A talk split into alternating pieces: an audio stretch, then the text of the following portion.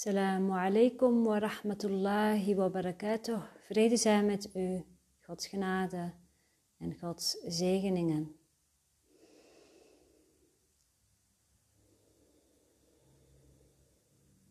Ja, welkom. Welkom bij deze podcast. Op een tijdstip waarbij de mensen onderweg zijn naar huis van hun werk, veel mensen en de avond valt.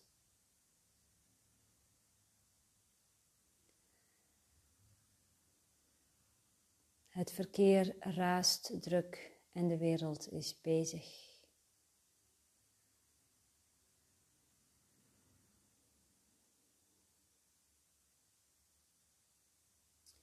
En dat is ook wat het denken doet. Het denken gaat door, raast door en is altijd bezig. Het is bezig met uh, concepten, ideeën, met iets bereiken, iets worden. Eigenlijk is het op weg, is het altijd op weg. Omdat het oordeelt.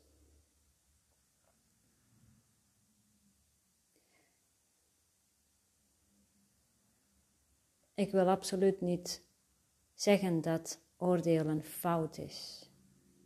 Laten we duidelijk zijn hierover. Er is geen goed en er is geen fout. Als we teruggaan naar de kern, waarom doen we wat we doen? Waarom zoeken we de verstilling op? Waarom luisteren we naar meditaties, naar podcasts? Zoeken we spirituele leraren op? Altijd vanuit een behoefte om een leegte te vullen, een leegte die onvrede brengt. We zijn allemaal, zonder uitzondering, op zoek naar vrede. Het is een eh, collectief iets, het is niet alleen van jou persoonlijk of van mij. En de ene is er zich bewust van en de andere niet. En daartussen zijn ook vele lagen.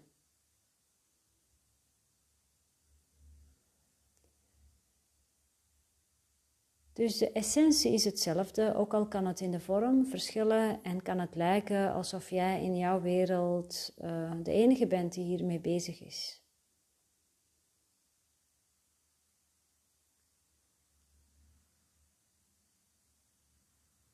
Het zou raar zijn om te denken dat de ene verder is dan de ander, omdat er in feite geen ander is. Uiteindelijk zijn lichamen slechts projecties en geen identiteiten. Dat lijkt natuurlijk zo. En omdat dat zo lijkt, hebben we het idee dat er een ander is is er een vergelijking en is er een die is verder dan mij, of ik ben verder, of ik ben hier en hij is daar, of zij is daar. Het zijn allemaal ideeën. En het idee van dat er een ander is en dat je dus anders bent dan de ander, kan uh, enigszins ook vrede brengen, want uh, het kan het gevoel geven van ik heb dit bereikt, ben uniek. Aan de andere kant kan het ook uh, leiden naar onvrede. Ik heb dit niet bereikt en de ander wel. De ander is er al en ik nog niet. Hoe dan ook, die gradaties, die verschillen, leiden uiteindelijk altijd tot een vorm van onvrede, omdat het namelijk niet waar is. En alles wat niet waar is, dat is onvrede. In de verstilling komt dit allemaal in het licht.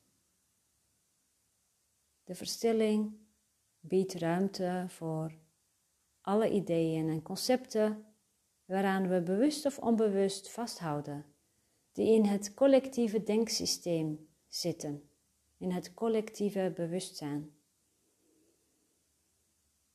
Het kan lijken dat ideeën heel persoonlijk zijn, dat ze een specifieke vorm hebben, zo anders zijn dan de, dan de vorm die bij een ander verschijnt, maar de kern ervan is dezelfde. En het leidt altijd naar een vorm van onvrede.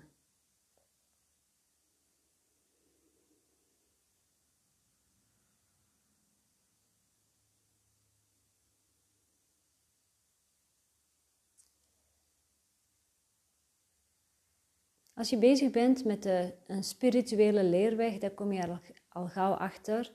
En dan vooral in de, ook in de wereld, niet vooral, ook in de wereld van de studenten van een cursus in wonderen, waar, uh, waarvan ik er ook één ben, is dat er een fase is waarbij het te makkelijk wordt gezegd: het is een illusie, het is niet waar. Verander van gedachten en voel de vrede die je bent. En we moeten oppassen voor deze uh, ego-valkuil, want dat is wat het is. Het is een ego-valkuil. Wil je daar uh, hulp bij?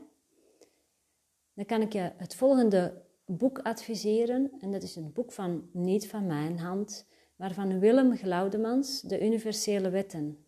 Het boek van de Universele Wetten, waarin hij alle universele wetten belicht en ook de ego-varianten van deze wetten.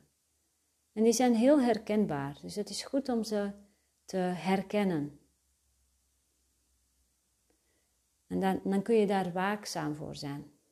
Verder is het belangrijk dat wat je voelt, dat je dat erkent als waar.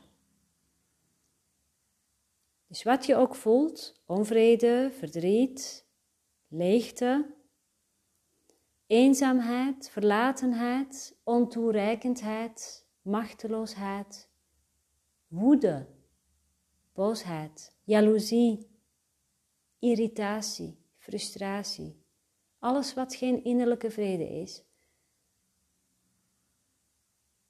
Schuif het niet weg als illusie, ook al is het van illusoire aard.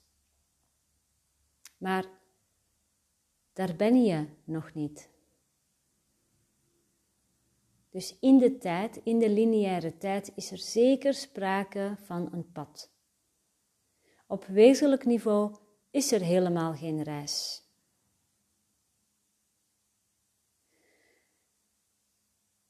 In mijn aanbod bied ik bijvoorbeeld de innerlijke reis aan. Dat is voor ieder die nog het bewustzijn heeft, eh, waarin hij het gevoel heeft dat hij van A naar B moet, waarin er iets moet gebeuren. Dus wij kijken daar ook echt naar. We erkennen het. We bagatelliseren het niet. Ieder heeft daarin zijn eigen tijd. De ene kan in één sessie het licht zien, en de ander is langer onderweg en hier zijn we weer, we zijn, uh, ik ben weer aan het vergelijken, omdat we nog steeds ideeën hebben van er is een ik en een ander. Dus laten we daar dan ook gewoon van uitgaan, ook al is het niet zo. Dus in de vorm is het verschillend. In de lineaire tijd is het verschillend.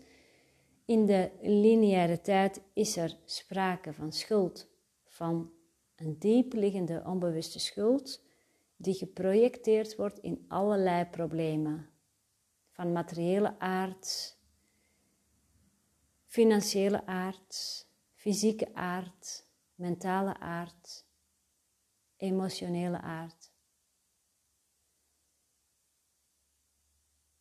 Door die projecties gaan we op een gegeven moment op zoek naar oplossingen. We willen immers in vrede zijn. En dat is een natuurlijk, een natuurlijk verlangen om in vrede te zijn, om gelukkig te zijn, om in overvloed te leven, om gezond te zijn, dat is heel en heel natuurlijk. Het is onnatuurlijk om het tegenovergestelde te willen. dus je ware natuur is vrede en daarom is het verlangen naar dat wat je bent, ook altijd een vorm van een overvloedig, gelukkig, gezond en vriendelijk leven.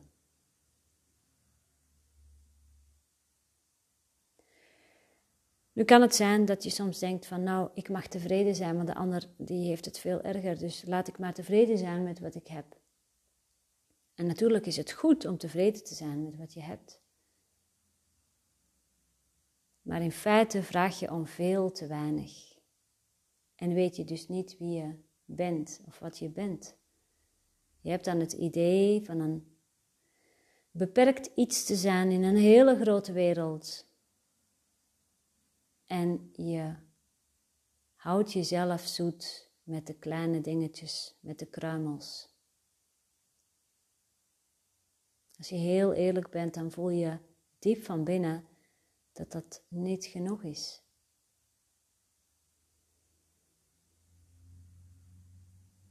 Omdat het niet klopt met je ware natuur.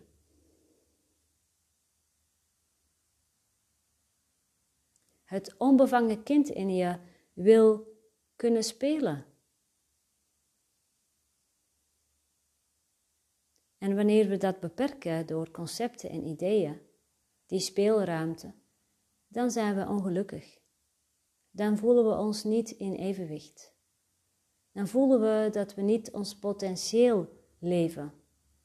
Het speelplein kan veel groter, maar we maken maar gebruik van een heel klein deel en we zeggen laten we tevreden zijn met dit deel wat nu beschikbaar is en dat andere deel, dat is niet voor mij bestemd. Daaronder liggen ideeën van beperktheid. Dus juist in de verstilling komt alles in het licht. In de verstilling verdwijnen de grenzen. In de verstilling verdwijnen ideeën en concepten over van A naar B. Maar is er alleen maar het hier en nu. En zie je dat het veld niet beperkt is, maar onbegrensd. En dat je vrij bent. Dat je vleugels hebt, bij wijze van. En dat geluk jouw bestemming is.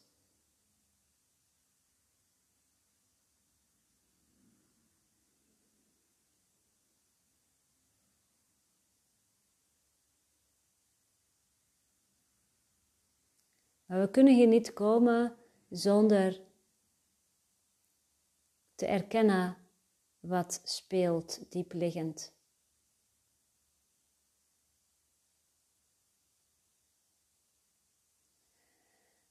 Alles moet gevoeld worden.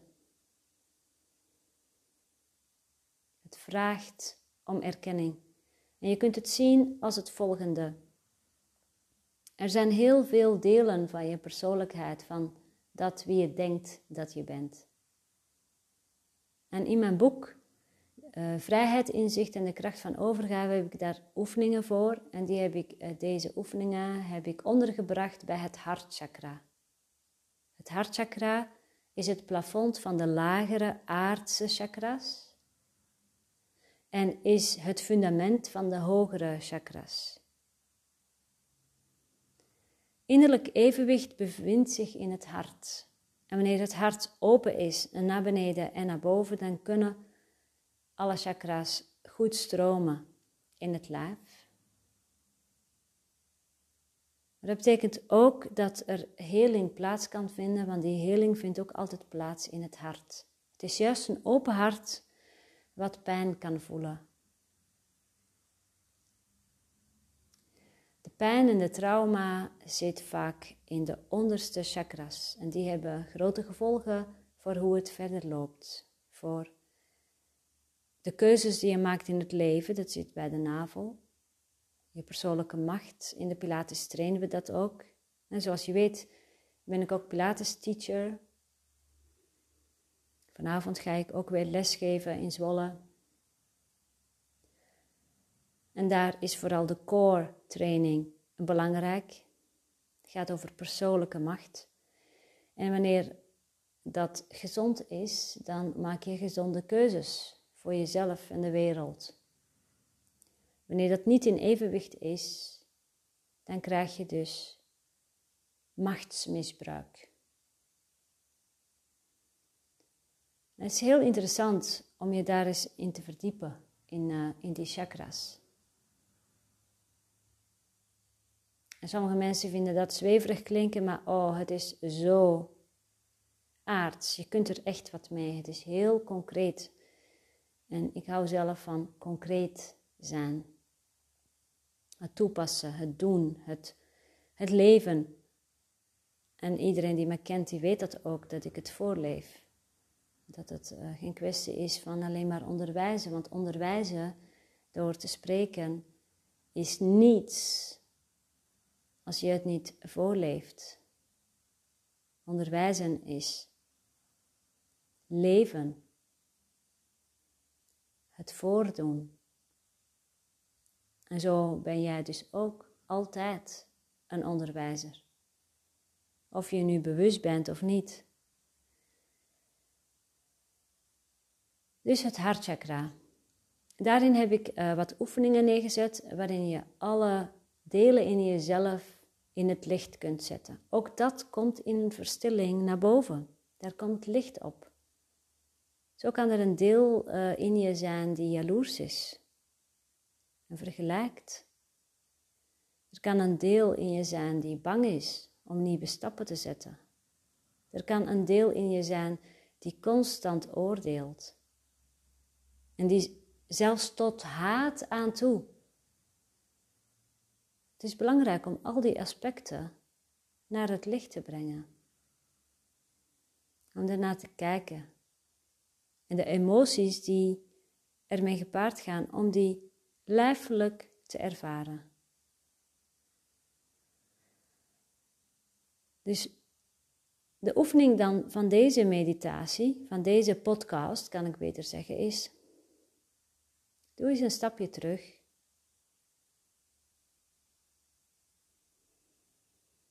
Dan ga je eens kijken op dat speelveld waar het onbevangen kind zit te spelen, naar de andere kinderen die daar rondlopen. Welk kind in jou, welk deel vraagt op dit moment om jouw aandacht? Er is vast een bepaalde situatie in je leven die onvrede brengt. Kijk dan naar het kind en de link tussen die situatie op dit moment in je leven en dat kind in jou, wat om aandacht vraagt en dus niet in vrede is. Wat zegt het tegen je?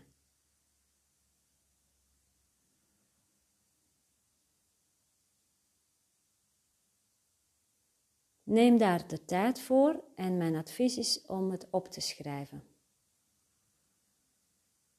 Sowieso is het handig om af en toe bij deze podcast. Ik weet nog niet welke kant het op, op gaat. Meditaties of inzichtgevende meditaties met dus oefeningen en schrijfwerk. Dus schrijf het op. Kijk ernaar, stop het niet weg. Nodig het kind uit. Nodig dat deel van je persoonlijkheid uit in de stilte. Het vraagt om je aandacht, het wil gezien worden. En pas als daar helemaal vrede bij is, als dat is opgelost, dan pas kun je er op een hele andere manier naar kijken. Dan pas kun je zien dat het illusoir is. Maar sla geen stappen over. Sla geen stappen over.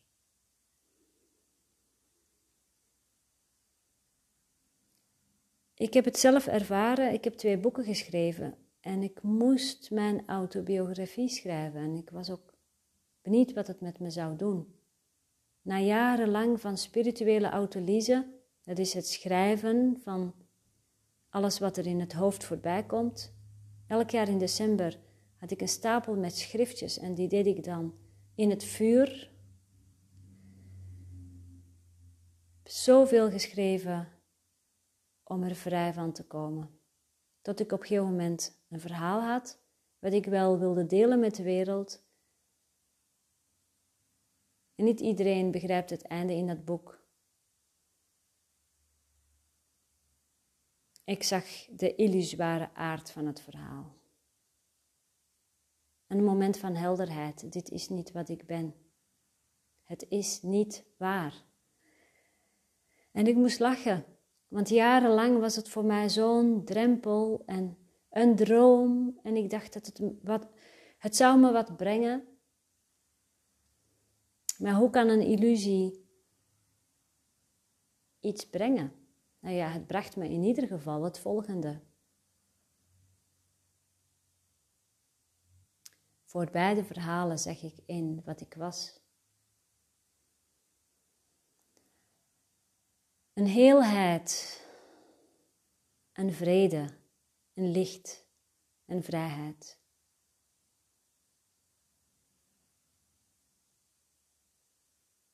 Dus doe wat je moet doen om daar te komen. En elke vorm is goed. Elke vorm is goed.